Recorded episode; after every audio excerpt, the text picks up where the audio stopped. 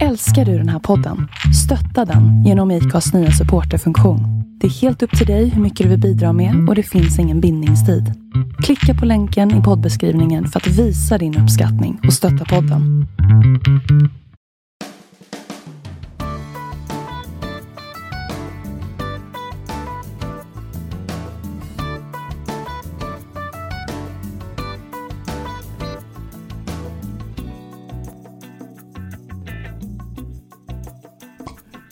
Köra igång då? Ja. Hej och varmt välkomna ska ni vara till podden Tycker om drycker och det är dags för vårt fjärde avsnitt blir det.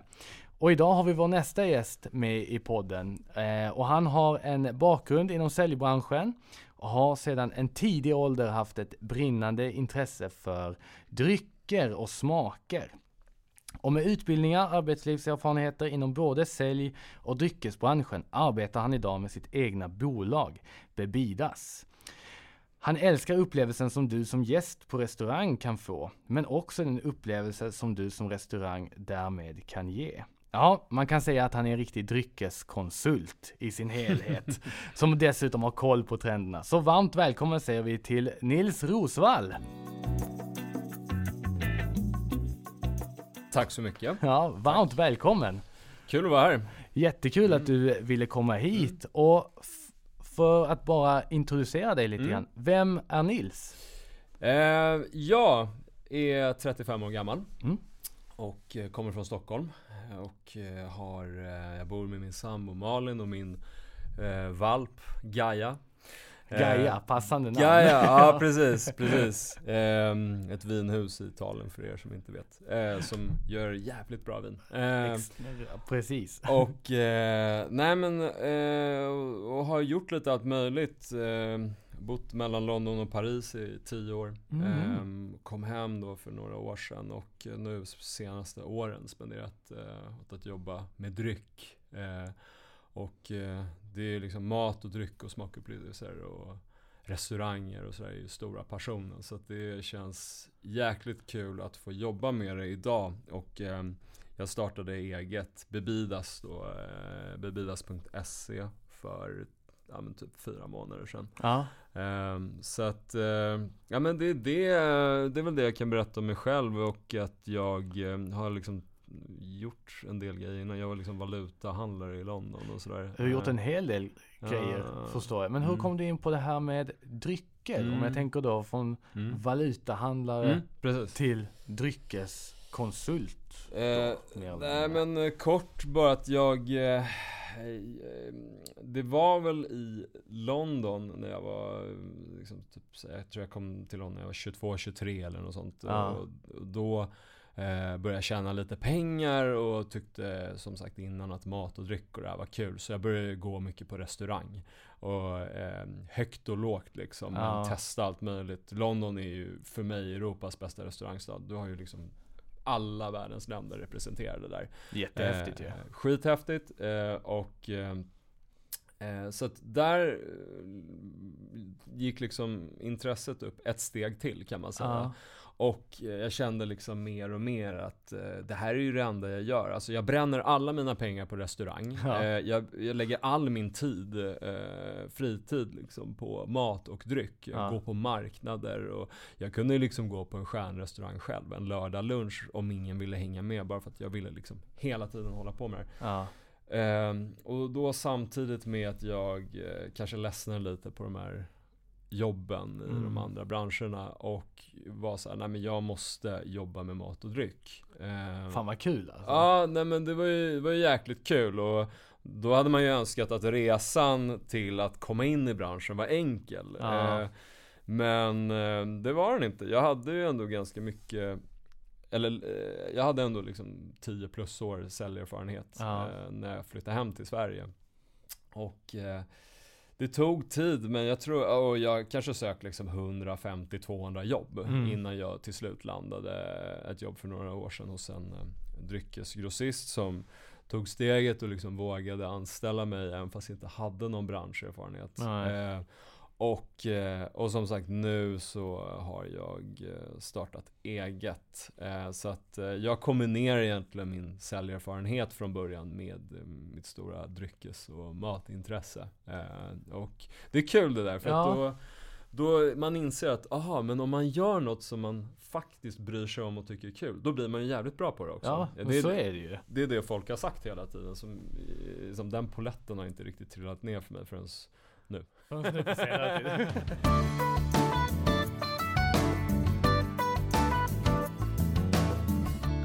Vad gör du i bolaget för någonting? Ja, Eh, lite olika saker. Eh, jag har kallat liksom Bebidas för, eh, eller taglinen, eh, dryckeskonsult. Ja. Eh, så att eh, jag, dels har jag en portfölj av producenter som jag jobbar med och det är ju småskaliga producenter. Och ja, de har ett hantverksfokus. det har blivit så liksom. Ja. Det, Eh, så att jag eh, är ute och säljer deras produkter. Eh, primärt fokuserar jag på restaurang. Mm. Ehm, och, eh, så det är det ena benet. Eh, det andra benet i, i, i, företaget är dryckesprovningar. Att jag jobbar med ja, ölvinprovningar, alkoholfritt, liksom lite allt Just det. Mm. Och, ehm, och det är både mot eh, kontor och privatpersoner. Så. Uh. Och, eh, och sen också att jag hjälper eh, nyetablerade restauranger som eh, kanske inte har liksom tre, fyra sommelierer som har full koll på läget om en dryckeslista. Att jag hjälper dem liksom med eh, vilka drycker man kan eh, sätta liksom på dryckeslistan. Vad som funkar med maten och lite sådär. Kul ju. Så det är liksom så, så att som dryckeskonsult då. Mm så är det egentligen att man ja, man, man, konsulterar man, konsulterar om dryck. Om dryck ja. egentligen. Kort och eh, enkelt. ja men lite så. Eh, och, eh, och jag menar jag försöker ju verkligen att vara Eh, för jag menar, om jag jobbar med 15 producenter, det finns mm. ju tusentals producenter av dryck och det vore ju fel om jag kom till en restaurang och var så här, men det bästa här för dig, det är de här 15. Ja. Eh, det blir ju väldigt så här, eh, färgat. Ja, såklart. Så att jag försöker ändå så gott det går och om intresset finns hos restaurangen ja. så försöker jag liksom väva in det jag känner till om, liksom, eh, om världen också. Som ja. inte bara rör mig och min lilla portfölj. Liksom, Nej, utan, men jag tänker att din portfölj, är det främst svenska mm. producenter ja, eller är det internationella också? Eller hur, eh, jag har det? Jag har jobbat med ett champagnehus lite grann. Det är svårt att få till en svensk champagne. Ja, eh, ja att, eh, precis. Eh, Eh, däremot görs det jäkligt mycket spännande bubbligt i Sverige. Det kan vi prata om senare. Ja. Men, eh, men så att eh, jag försöker, det har väl blivit så att eh, de drycker som inte går att producera i Sverige eller som ja. inte finns på samma sätt i Sverige. Som att, alltså champagne kan ju bara komma från champagne. Eh, så att så då. Då, då blir det liksom så. Men eh, jag försöker ändå hålla ett fokus på Sverige. Eh, för att vi gör så jäkla mycket bra dryck i Sverige. Och eh, alltså varje dag stöter jag på nya grejer och jag är bara såhär wow. Jag, och, och, om jag blir så förvånad som jobbar med det som inte hade en aning om de här producenterna. Då är jag så här, det finns så mycket eh, som borde och ska komma ut till folket liksom. Ja. Som inte riktigt har kommit dit än. Och det kan ju vara flera skäl liksom. Att det är, det är små producenter, det kanske inte finns några pengar till marknadsföring. Men jäklar vilka grejer det finns där ute. Mm. Fasen vad kul. Mm. Nej, jättekul att du eh, ville komma mm. hit och vi ska väl ta och kicka igång det här. Ja, Ordentligt lätt. tycker jag.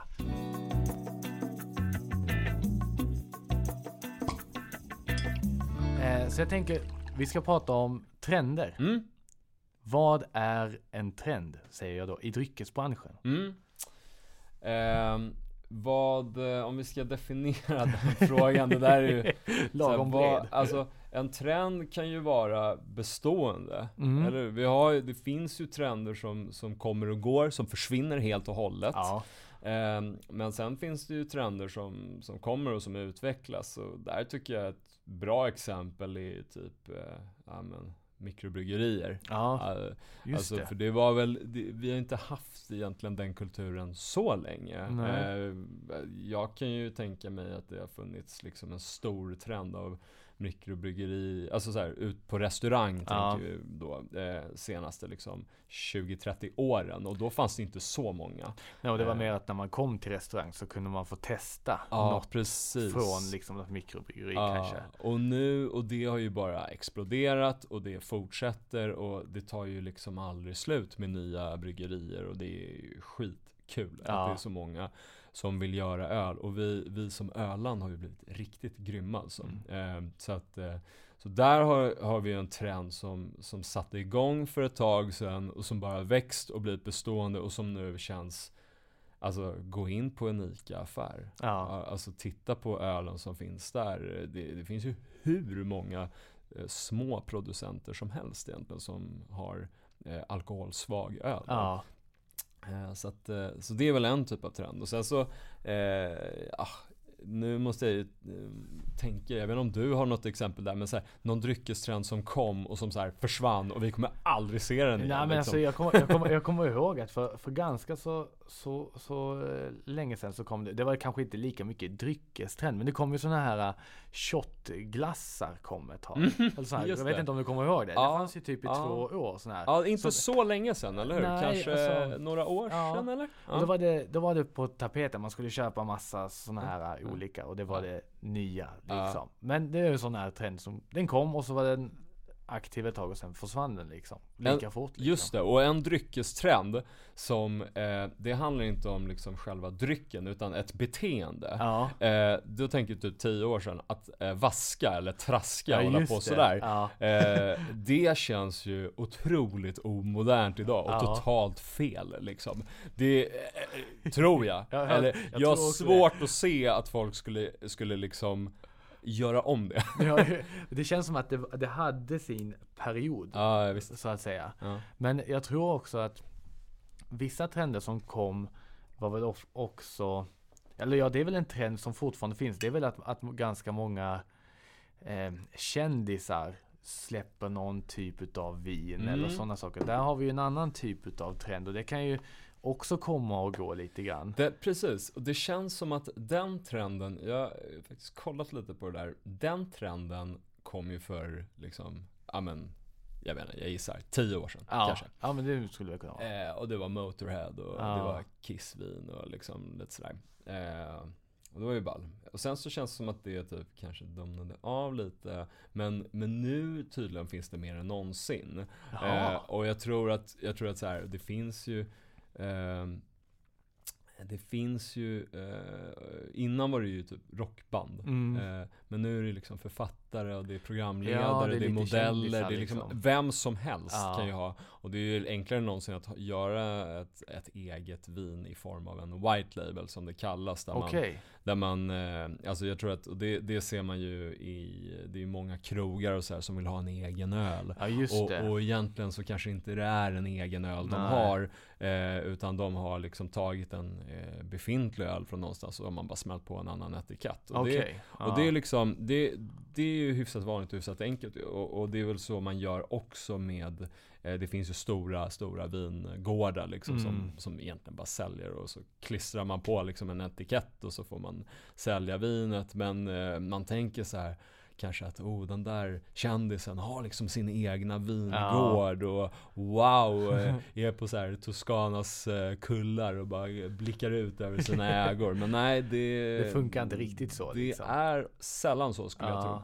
Ehm, så att, ehm, och sen också eh, så känns det som att eh, vissa, jag ska inte nämna några namn, men det känns som att vissa av de här kändisvinerna, det finns liksom tio olika från samma person då, som Ja. har, liksom, kommer med, eh, amen, eh, sju olika druvor liksom. Ja, så, att, så på så sätt tror jag att det kanske har kommit tillbaka grann, men jag vet inte. Ja men det är väl en sån sak som, som jag kan tycka. Sen tycker jag det är svårt att säga vad är en trend. För en trend Mm. inom drycker så kan ju vara allt ifrån att det är en viss typ av flaska. Att man köper en flaska som är Ja. fin. Ja. Eh, men sen kan det också vara jag tänkte på det som vi pratade lite grann tidigare om och det kommer vi prata lite mer om. Men till exempel hur italienska viner Mm, mm. har förändrats Mm, lite grann. mm, mm. Eh, men man kan väl säga att, att om vi bara konkretiserar ner det ännu djupare till, till liksom på vår och så ser vi så här Vad har hänt 2020 inom Mm, trendvärlden? mm. Om jag tänker, om, om vi säger som, som eh, för restauranger, Ja. tänker jag. Hur tänker man där kring trender? Eller trenderna Alltså- 2020? Alltså 2020 är ju såklart jättespeciellt. Eh, och mycket för restaurangerna. Mm. Eh, det som jag har sett som har hänt eh, är att eh, alltså takeaway är ju, är ju någonting som många börjat med. Ja. Eh, och då kanske man har i form av drycker då tagit in mer intressanta alkoholfria alternativ, kanske Ja. mer alkoholsvag öl så man kan sälja det. Eh, Just det. För att, eh, och, och det är ju eh, det är ju samma för bryggerierna för att många av de här mikrobryggerierna, om inte någon köper, om inte restaurangerna köper deras öl, Nej. om de kanske inte har så stor försäljning på Systembolaget. Oh, hur ska vi göra då? Okej, Ja. men då eh, fort som fan så brygger vi liksom en lättöl eller en alkoholfri öl eller en, en 3-5 eller någonting. Ja. Så att eh, det går att liksom sälja den eh, enklare och inte bara kanske till eh, restaurangernas takeaway gäster utan även till eh, dagligvaruhandeln. ja, just det. Eh, För att kunna få synas precis. lite mer liksom. Eh, så där har vi ju liksom en, jag skulle säga 2020 har ju påverkats av, eh, när man kollar på alkoholfritt och öl, Ja. så skulle jag säga det är en, en faktor. Ja. Eh, sen tycker jag en trend som, som hänger kvar sen tidigare är hälsa lite grann. Ja. Alltså här, nu, nu börjar man ju se ehm, eh, typ och det här kanske är lite mer, nu, nu kommer jag ifrån restaurang lite, jag tänker att det här kanske Ah, är en större trend eh, mot privatpersoner men eh, typ hard seltzer har ju varit en, en sån dryck. Och hard seltzer är ju ehm, eh, Det är ju en eh, kan man säga typ en eh, Det är alkohol, Ja. eh, man kanske har vodka eller någonting eh, Och sen så, så spär du ut det med kolsyrat vatten egentligen Aha, lite aromer och Ja. sådär Så det är ungefär 5-procentigt Ja. Men eh, poäng, poängen är att det är liksom, du kommer ner i kalorier lite ah, grann och sådär. okej. Så Hela den här hälsoaspekten är ju en trend som ändå verkar fortsätta liksom. Har, Det, har det påvisat sig också, tänker jag, på vad man väljer för typ av dryck ute? ja, eh, alltså det gör det ju på ett sätt för att nu verkar det som att folk ehm, eh, väljer, eh, alltså om man, nu pratar jag från restaurang såklart. Eh, och där ser jag att intresset för naturlig dryck och generellt sett har ju ökat. Ja. Eh, och det är ju de senaste åren, eh, för, för naturvin för några år sedan, det var ju ett hokus pokus Ja. som så här, och, och det var bara konstiga hipsters på Söder som höll på med det och då och, och Doftar konstigt tyckte- och smakar konstigt. Nej det var alltså. bara, det var bara liksom, bara keft. Ja. Eh, Men nu eh, har det gått ganska fort till att nu finns det liksom, det finns ju naturvin på hyllorna på Systembolaget. Eh, och som kostar 100 spänn så och, och, det ser man väl på krogen att det är ganska många av de här restaurangerna som som bryr sig om vad de gör. Mm. De vill ju ha drycker som är på så sätt hälsosamma att de inte innehåller massa tillsatser och massa konstigt. Eh, så att eh, jag skulle säga att där har du ju liksom den hälsoaspekten. Vi, vill ha, vi har ju velat ha ren mat ganska Ja. länge. Ja, precis. För Eko ändå... kom för ganska länge sedan. Ja. Liksom. Och, det, och den diskussionen har blivit folklig skulle jag säga för ganska länge sedan. Eh, men drycker har legat lite i lä och eh, vi är väl inte riktigt där än med drycker. Nej. Men eh, det är på gång och jag tror att det kommer vara nu när vi har utbudet också, det kommer vara en självklarhet liksom att ja, men om jag vill ha ren mat, då vill jag ha ren dryck också Ja. oavsett om det är vin eller alkoholfritt eller vad det är. För jag kan komma ihåg när bolaget började visa upp hur många gram socker Mm. det var Mm.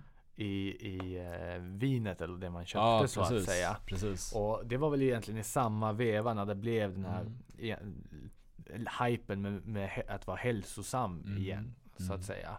Men det känns ju också som att det, som du säger, det ligger kvar Mm. fortfarande i tiden. Och, och nu under 2020 så folk har kunnat bli mer aktiva, mer hälsosamma, försöka tänka på de här sakerna. Mm. Och jag kan tänka mig att det mynnar även ut i vad man väljer, till exempel i dryckesväg också. Ja, absolut. Och sen är det så här att det är ju, jag skulle säga att det är ju när vi pratar om dryckestrender, Mm. det är ju restaurangerna som, vi, du har ju influencers såklart, eh, på olika sätt Ja. som kan sätta en dryckestrend.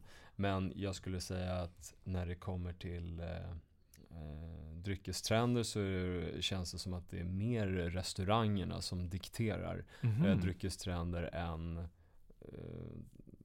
Alltså än konsumenten och var, dagligvaruhandeln. Eh, dagligvaruhandeln kan ju diktera en dryckestrend på så sätt att, eh, alltså om vi ska prata om funktionella drycker, Ja. men det hoppas jag inte behöver prata Nej, det behöver vi inte göra. Eh, men, eh, men eh, för någonstans, du går ju ut och förväntar dig någonting när du ska gå på restaurang och att det Ja. ska liksom eh, och jag pratar ju om de här restaurangerna där, för det finns ju två, jag, jag delar upp restauranger lite i två typer av restauranger. Mhm. Du har ju dels eh, eh, hur ska man säga, en go-to restaurang. Det kan vara en, en lokal pizzeria eller ett Ja. hamburgerställe eller någonting där man kanske vet vad man får. Man, man förväntar sig inte en upplevelse men man vill ha typ någonting lite så comforting. Ja, Eh, just det.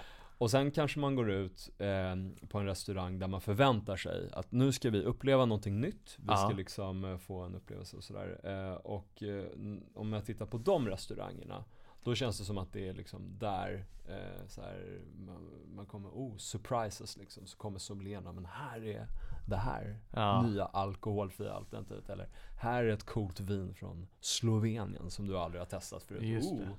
Ehm, så där, och, och, och då kan man ju fråga sig, ja men trenden kanske kommer ut till folket via dem. Men vem Ja. sätter trenderna åt dem? Det är Ja. en intressant diskussion Ja, det såklart. är ju väldigt spännande Eh. egentligen.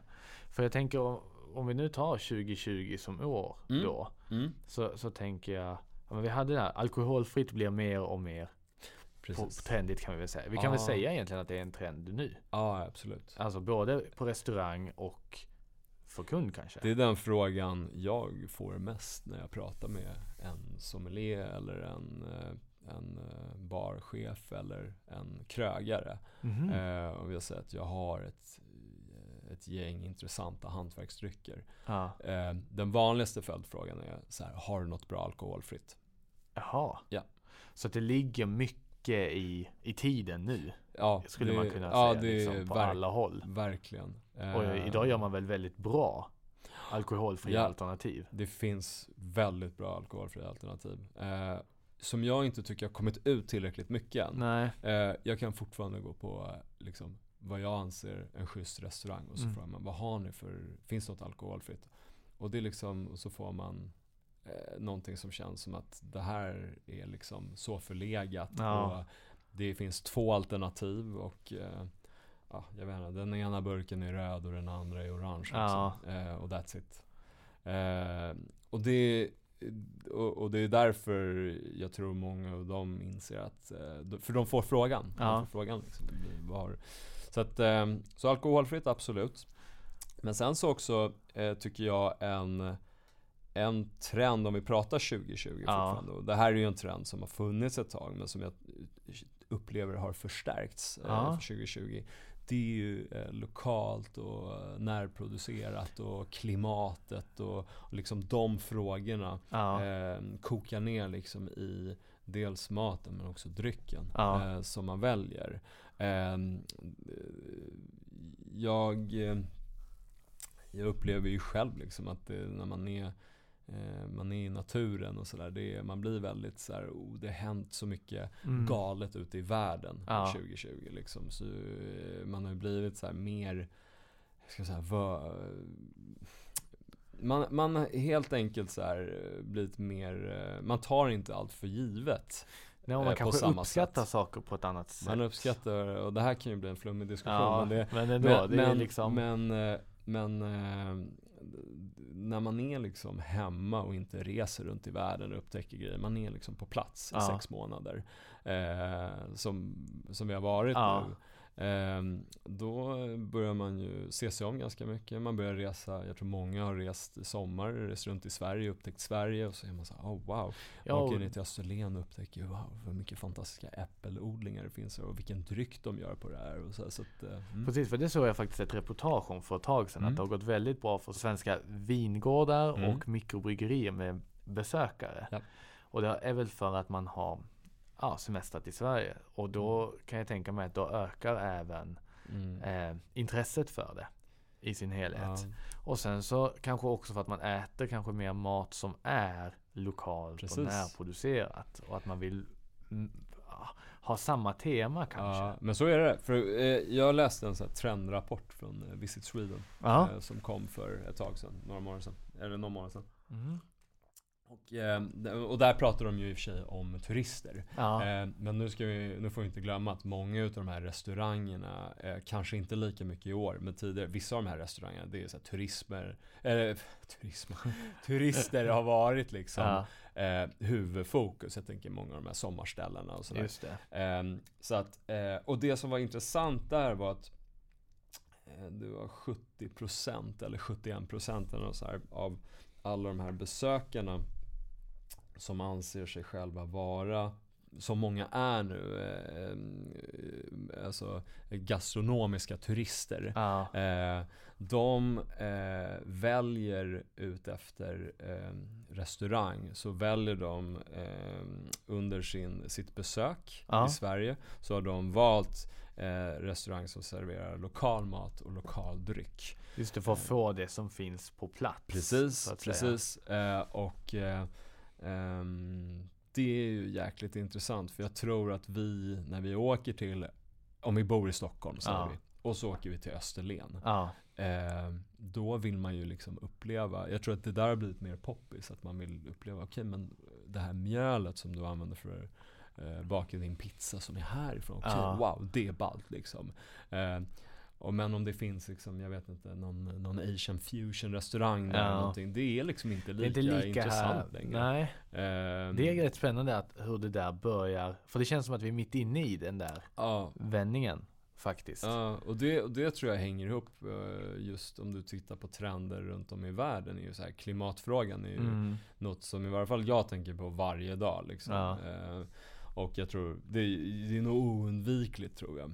Eh, så att eh, eh, om man liksom läser lite tidningar och sådär så det är hela tiden snack om det överallt. Och eh, då tror jag att det påverkar ju våra val eh, eh, det, på restaurang också. Ja, Ja men det är klart, jag vill äta en bläckfisk som är från Sverige. Jag vill inte äta en bläckfisk som kommer från andra sidan jorden. nej såklart. det går. Om det går ja. Eh, och eh, då är det så här, det kanske är lite jobbigare i januari liksom. Ja, När inte så mycket växer här. Eh, och vi kanske, den där, det där vinet från Skåne. mm. Eh, det kanske inte är riktigt där än som, eh, det, liksom Som- de franska motsvarigheterna. Nej, precis. Men eh, jag, jag tror det, jag får känslan att folk gör en effort ändå. Eh, Kul ju. Ja, Alltså ja. det känns också som att man har blivit lite mer medveten. Mm, mm, Alltså, det, man, Mm. alltså, och det hör nog också ihop med att man har semestrat hemma liksom och hela Ja. klimatfrågan. Men det känns ju också som att man är mer nyfiken på vad som finns Mm. runt omkring. Alltifrån gårdsbutiker Mm. tänker jag också mm. till andra större delar. Mm, Och sen mm. tycker jag att det finns, det finns ju som vi har varit inne på också att det finns ju mer och mer och större utbud på dels Systembolaget men Mm. också i lokala butiker, Ja. alltså ICA-butiker och sådana här saker. Och det måste ju påverka Den har ju gått upp. del. Alltså dagligvaruhandeln har ju ökat. Till skillnad från restaurang. Ja. Så att eh, de har ju förmodligen varit tvungna liksom att eh, utöka sortimentet eh, på grund av efterfrågan. Kan Ja. jag tänka mig. Ja, ja men verkligen. Men det, vi får ju se hur, vad som fortsätter att ske under 2020.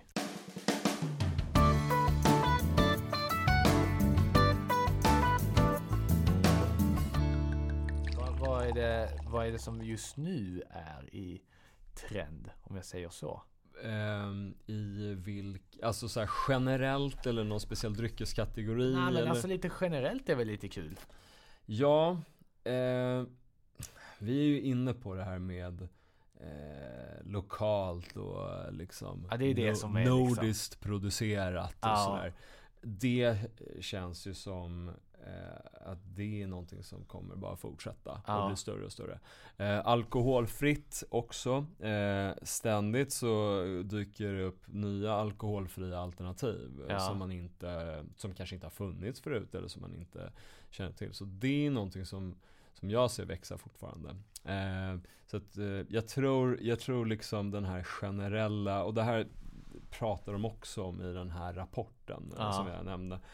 Alltså att vi kommer i framtiden eh, kommer fortsatt välja eh, produkter som är gjorda på ett hållbart, medvetet sätt. Ja. Ehm, och det är väl kanske lite skillnaden från, jag vet inte, när du och jag var små. Det, Ja. kanske, inte var, det kanske inte fanns så mycket eftertanke. Nej. Det var ganska ballt med liksom eh, amerikanska juicerna Ja, eller någonting. Det var lite coolt liksom. Men, men nu så, det, framförallt på restaurang, det, det är ehm, och jag får mycket frågor av eh, de här personerna som eh, jag säljer till. Det är så här, hur, hur, hur är det här gjort? Ja. Hur, liksom, okej, var befinner de sig? Och vem är den här personen bakom drycken? Det är lite som den här slogan "Frå- från jord till bord. Att man har Ja. börjat liksom intressera sig för hela processen. Ja, precis. Och, och jag tror att, eh, och det ser man ju, alltså titta på, det finns ju massa, det finns ju mycket, eller mycket, en del företag som gör dryck nu på räddad frukt. Just det. Eh, det finns... Eh, Hållbarhet är väl en väldigt Ja, stark verkligen. trend. Liksom, Och, och, och jag tror att det är, så här, det är svårt idag att starta eh, ett- dryckesföretag som producerar dryck som inte har någon form av hållbarhet i liksom sin eh, i sin business. Mm. Eh, Och det kan ju vara, det kan vara ekonomisk hållbarhet, det kan vara eh, klimatet, det kan vara eh, en fråga som man vill lyfta genom dryck.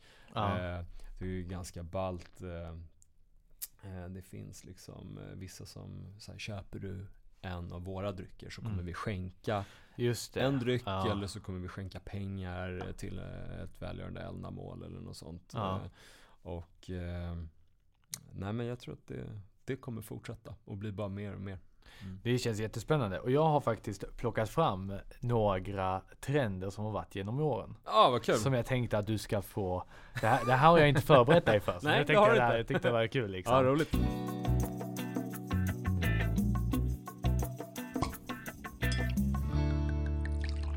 Ja, så.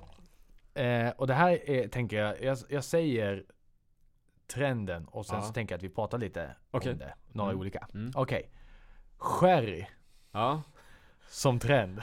ja, då pratar vi inte 2000-tal. Alltså, Nej. det, Nej. nej. men sherry var väl en väldigt trendig dryck för ganska så länge sedan. Ja. ja. Eh, och och i, i vårt förra avsnitt så satt jag här med Mauro och vi provade just Mhm. en sherry också. Okej. Mm. Och han, där pratar vi, för det finns nämligen en, en, en gammal tidning, en liten upplaga, Ja. där det står att sherry passar till allt. Ja. ja. Det är en rätt rolig slogan. Men jag vet inte, stöter du på den här trenden fortfarande? Eh, nej, eh, jag, jag skulle säga att det där jag är sig, det är så kul att du säger det för att det känns som att alla de här, eh, jag spenderar alldeles för mycket tid på Instagram egentligen Ja. och, och ser det lite som utbildning och sådär. Men många av de här vinpersonerna man följer, vininfluencers och sådär. Det har varit rätt mycket snack om sherry Ja. senaste veckorna typ. Ja, Och jag tänkte på det också när jag plockade det fram den. varför då? Vad har hänt Ja. Eh, nej men jag vet inte. Det där, mm, det kanske, kanske är ganska bra att det, eller det vore ju jättebra om det kom tillbaka och man köpte lite mer liksom Ja. eh, sherry. Men eh, eh, ja, jag vet inte. Jag är själv inte en stor eh, sherry-expert eller drickare. Eh, kanske borde bli. Jag tänker ju, jag kanske är helt ute och cyklar nu. Eh, men jag tänker liksom om du har du har liksom en viss eh, sötma. Ja. Eh, att det kanske passar bra till liksom, ah, sig, jag tänkte säga stark mat men du har nog en hög alkoholhalt Ja, som så kanske det- det pajar lite. Men, eh, Alltså sen så är det man kan ju göra sherry på så många olika sätt Ja, det är sant. också, Mm. liksom. Mm. Eh, och det, att, det är samma sak där, att matcha mm, rätt liksom. Så, eh, men det känns, det känns ju inte som att det är något vi pratar om lika ofta. nej, nej, Inte längre. nej. Alltså. Det eh, kanske, är, det kanske är en svår dryck att para med mat. Eh, Jag tror må, många av de här eh, vinpersonerna som eh, pratar om sherry nu Mm. för tiden menar på att det är toppen liksom för Ja. Men då, då kanske det har liksom försvunnit lite grann i, och jag tror folk kanske inte vet helt enkelt. Eh, Precis. För man har inte, det var så länge sedan det var en trend. Ja. Eh, Så att det, ja, sherry måste komma tillbaka helt enkelt. Ja, Ja, men- Sammanfattningen. Precis. ja, Men så, så det var den ena. Den andra, den är, det, vi är inne lite grann i samma Mm. kategori, men portvin. Mm, mm. För det känns ju också som att det, det är en liten trend som kommer och går kanske. Eller? Ja, alltså fan Portvin, nu, nu satte du mig på plats alltså. Jag, jag, det är så sjukt, sjukt med portvin för att jag, eh, jag har ändå druckit lite grann. Eh, men samma där, jag är liksom inte riktigt inte, jag, Men skulle man kunna säga att portvin idag kanske inte är ett naturligt val för många? mm. Alltså som, som det, kanske, det kanske är en viss eh, ålderskategori tänker jag. Alltså, Ja. det, jag tänker att det kanske går lite grann i samma spann som just med sherry. Ja, jag tror att så här om man tittar på vin generellt Ja. idag som trendar. Ja, Det är ju vin som är oftast eh, lite lättare, lite mer alkoholsvagt kanske. Eh, och det här är ju tvärtom. Ja. Eh, så att, men det blir ju liksom... så eh, att det är kanske därför det inte är liksom det. Och, och liksom om man, eh, om man eh, käkar mat med, om tittar på maten också som, som vi i Sverige äter idag mot kanske för 10, 15, 20, 30 år sedan eller vad Ja. det nu kan vara. Alltså så här, vi äter ju mindre kött Ja. idag. Eh, och det är därför jag tror att vi gillar, eller trenden har vänt åt liksom lättare viner och lite sådär. Så att eh, det kan ju vara också det att den här typen av vin är för svår att Ja. para ihop med, eh, med mat. Eh, Men ja, port alltså, fan det kan kanske också, jag kan tänka mig några köttbullar kanske. Alltså Jag ja, jag, jag tycker ju portvin är Ja. fantastiskt. Ja. Speciellt till stora ostbrickor liksom. Ja. Det är Ja. magiskt. Är det Men- något annat du tycker man kan eh, para det med? Som är, Alltså portvin tycker jag är, är det är så, det är så, um, så sällan jag dricker det. Så att jag, det är ingenting som är, det är inte min starkaste sida. nej? Men jag, jag kan ju tycka att portvin i sig egentligen bara som sällskapsdryck Mm. Mm. är nästan det trevligaste. Mm. Alltså för att man kan sitta och smutta på det länge. Och det ska gärna ha fått lagra. Jag vet att det finns någon, någon sägen kring att ett bra portvin måste vara minst 40 år gammalt. Ja, just det. Mm. Och, och, ehm, men som sagt, jag tror att jag har druckit portvin kanske tre, fyra gånger i, Ja. i mitt liv. Men det, Ja. det är så här, det är ändå någonting som som kan som, som var en ganska stark Mm, trend Mm. Mm. för väldigt många herrans år sedan. Ja, liksom. visst, visst. Ehm, men ja, det var om, Ja. eh, om portvin som vi tyckte var kul. Precis.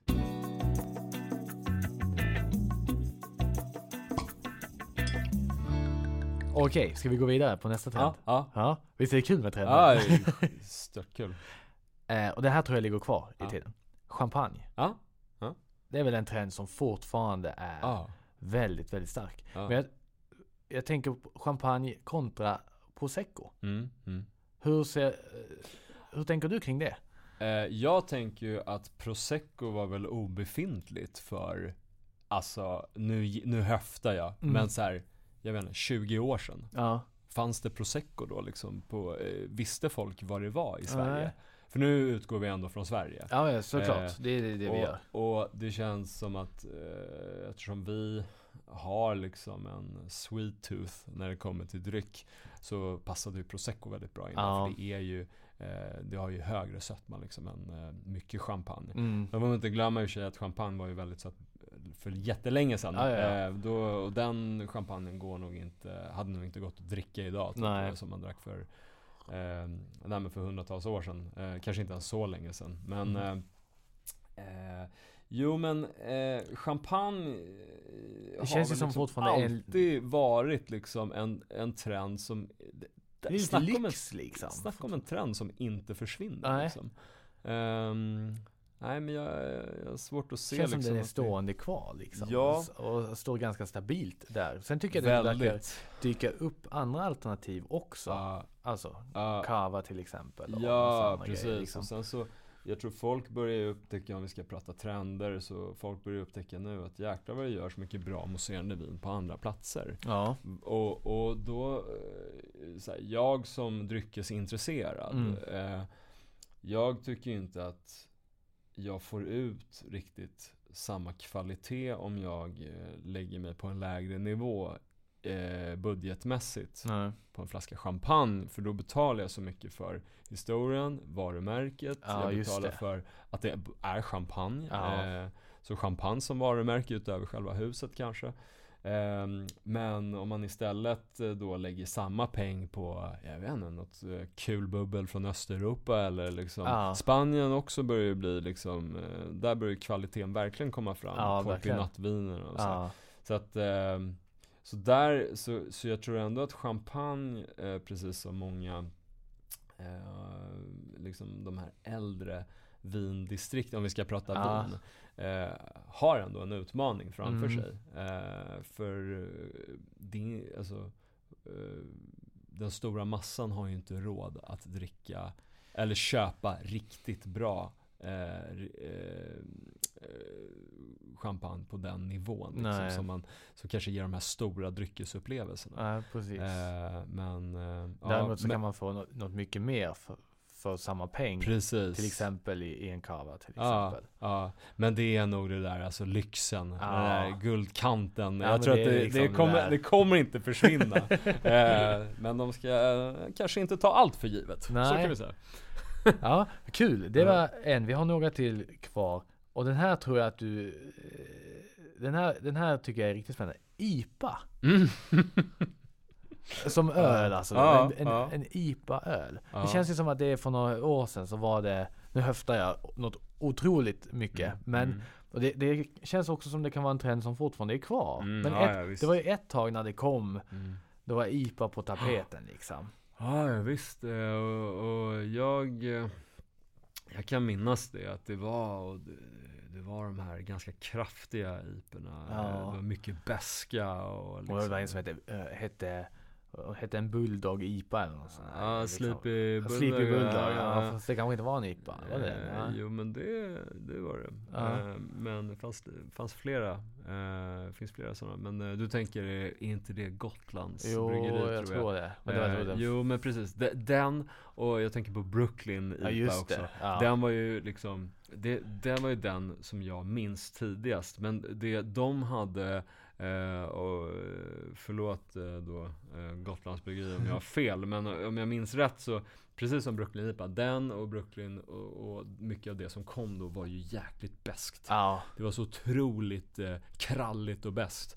Eh, senaste åren har ju, eh, IPA-trenden har ju hållit i sig. ja. Och senaste åren har ju eh, New England Style IPA blivit, Just eller. NEIPA eller vad man ska Ja. kalla det, har blivit så här supertrendigt. Och, Vad är skillnaden till det då? eh, de är ju eh, ganska, eh, de är väldigt humledrivna. Alltså det är ju som en humlebomb. Det, och det kan ju vara jättecoolt liksom att du, du luktar på den här ölen så bara massa tropiska dofter av så ananas och passionsfrukt Ja. och, ehm, och, och mycket så. Ehm, häftiga liksom humletoner. Ja. Men också att själva drycken i sig är eh, ofta, den är ju hazy eller ofiltrerad liksom. Just så att man grumlig så att du inte kan se igenom Ja. den knappt. Eh, men juicig Ja. snarare och lättdrucken. ja. Snarare än att den har det där beska bettet. ja. Eh, Och den här tyngden liksom. Ja, precis. För det, det kräver ju nästan eh, mat. Alltså, Ja. du, du måste ju ha någon köttbit eller Som något kan för att väga upp det, liksom. flera och sådär. Men, men den här New England style IPAn som har kommit, de kan man ju ändå dricka lite fler utav. Ja. Ehm, men eh, jag pratar med bryggare och bar, eh, barpersonal och så, som börjar tröttna på den trenden också. ja, det är Så så. att vi får se, men eh, alltså Nej men jag tycker, jag tycker ändå att eh, den, den typen av IPA håller liksom det vi pratar om lite Ja. lättare. Lite, vi pratar om eh, liksom vin, att det är lite lättare. Ja. Är lite lägre alkohol eh, kanske. Det känns ju som att det blir, det, vi går mot en lättare Precis, trend precis. generellt sett. Eh, Lite lättare att, mat och lite eh, lättare dryck till det. Så vi, ja precis, så vi får se eh, IPAns framtid. Men Ja. den har ju hållit i sig liksom. Ja, spännande. Ja, verkligen. Är du redo för nästa här nu då? Ja. Ja. Vino Tinto eller rött vin från Re- Spanien. Ja. Alltså Rioja Ja, tänker jag ju på liksom. Vaniljaromer Ja. deluxe. Mm, mm. Eh, hur ser det ut som en trend idag? För det, det om, om jag också gått tillbaka där lite grann i, i tid vad man, vad man själv har fått lära sig genom åren och sånt där. Så var det ju just att, ja men rött vin från Spanien smakar vanilj. Liksom. Ja men lite så här. Det är, en- och det var oftast Rioja. Mm, mm. I, i, i så här. Men idag så kan man göra, gör man ju andra typer av viner i Ja. Rioja-området och Men det är, det är ju fortfarande det man förknippar Rioja Ja. med. Ja. Men är det lika trendigt fortfarande? Ehm, jag upplever inte det. Eh, nu pratar vi krog. Ja, ja. På krogen, nej. Nej. Eh, ja, för att den, ty, den typen av vin eh, kräver en viss typ av mat ofta. Ja. Du behöver ju något ganska rejält, helst en stor köttbit liksom. Och, och, och lite sådär. Du får gärna rätta mig om du tycker jag har fel. Nej men alltså det är ju bland annat liksom och, så, och, och jag kan ju tycka att när man, när man ät, ä, dricker någonting som det är så pass kraftig vaniljton i Mm. så vill jag ju helst ha någonting som matchar Ja. den vaniljtonen. Jag tänker ju till exempel Ja. på Faustino var ju eh, Ja. typiskt rött vin liksom. Eh. Eh, Och, och jag, jag kan tycka att det, det är klart att man kan få en häftig upplevelse med andra alternativ. Men det är Mm. just det att man behöver ju ha eh, det finns ju ganska så, så mycket tanniner i det. Ja, och en bra precis. strävhet så man måste ju Ja. ha någon typ av protein till. Ja. Men sen så tycker jag att just den här vaniljtonen som blir så påträngande. Ja, då vill jag ju ha någonting som kanske är lite karamelliserat eller något lite kolaktigt. Jag tycker det är, är så. Sen kan jag tycka det är jättegott i, emellanåt liksom. Mm. Det var ju, Mm. det var ju Mm. helt och hållet på. Kanske en lite lättare Rioja. Precis. Kanske. Lite, precis, de prat, man pratar ju om lite så här new school Ja. Rioja liksom. Som är, och det finns ju i, eh, alltså så här, jag var reste i Spanien förra året. Mm. Samma sak där. ehm, eh, så var vi i eh, Ribera del Duero som Mm. är ganska nära Rioja. Just är det. Liksom, eh, och där, det är också väldigt historiskt kralliga viner liksom. Ja. Med mycket tanniner och och mycket punch liksom. Ja. Eh, Men eh, vi var på ett vinhus där, lite häftigt, eh, vinmakaren har då eh, varit i, i Bourgogne innan. Aha, liksom, okej. Faktiskt eh, var vinmakare på DRC.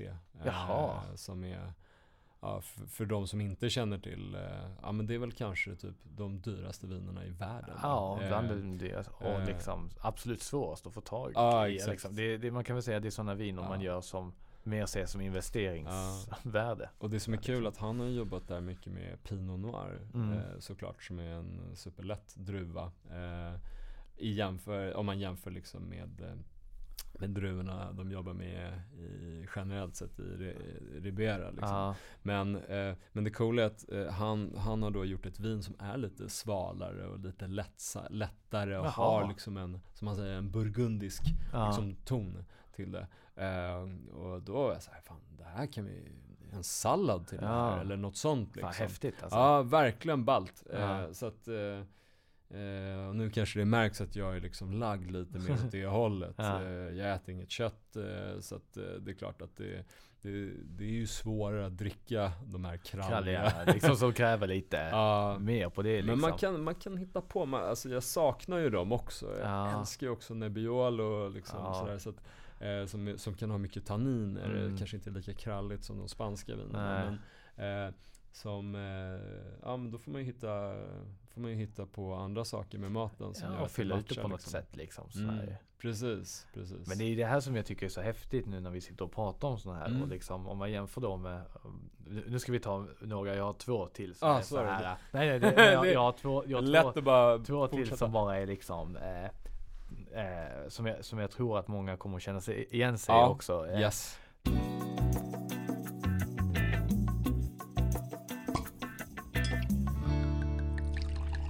Så, det var allt vi hade här i avsnitt nummer fyra, del nummer ett.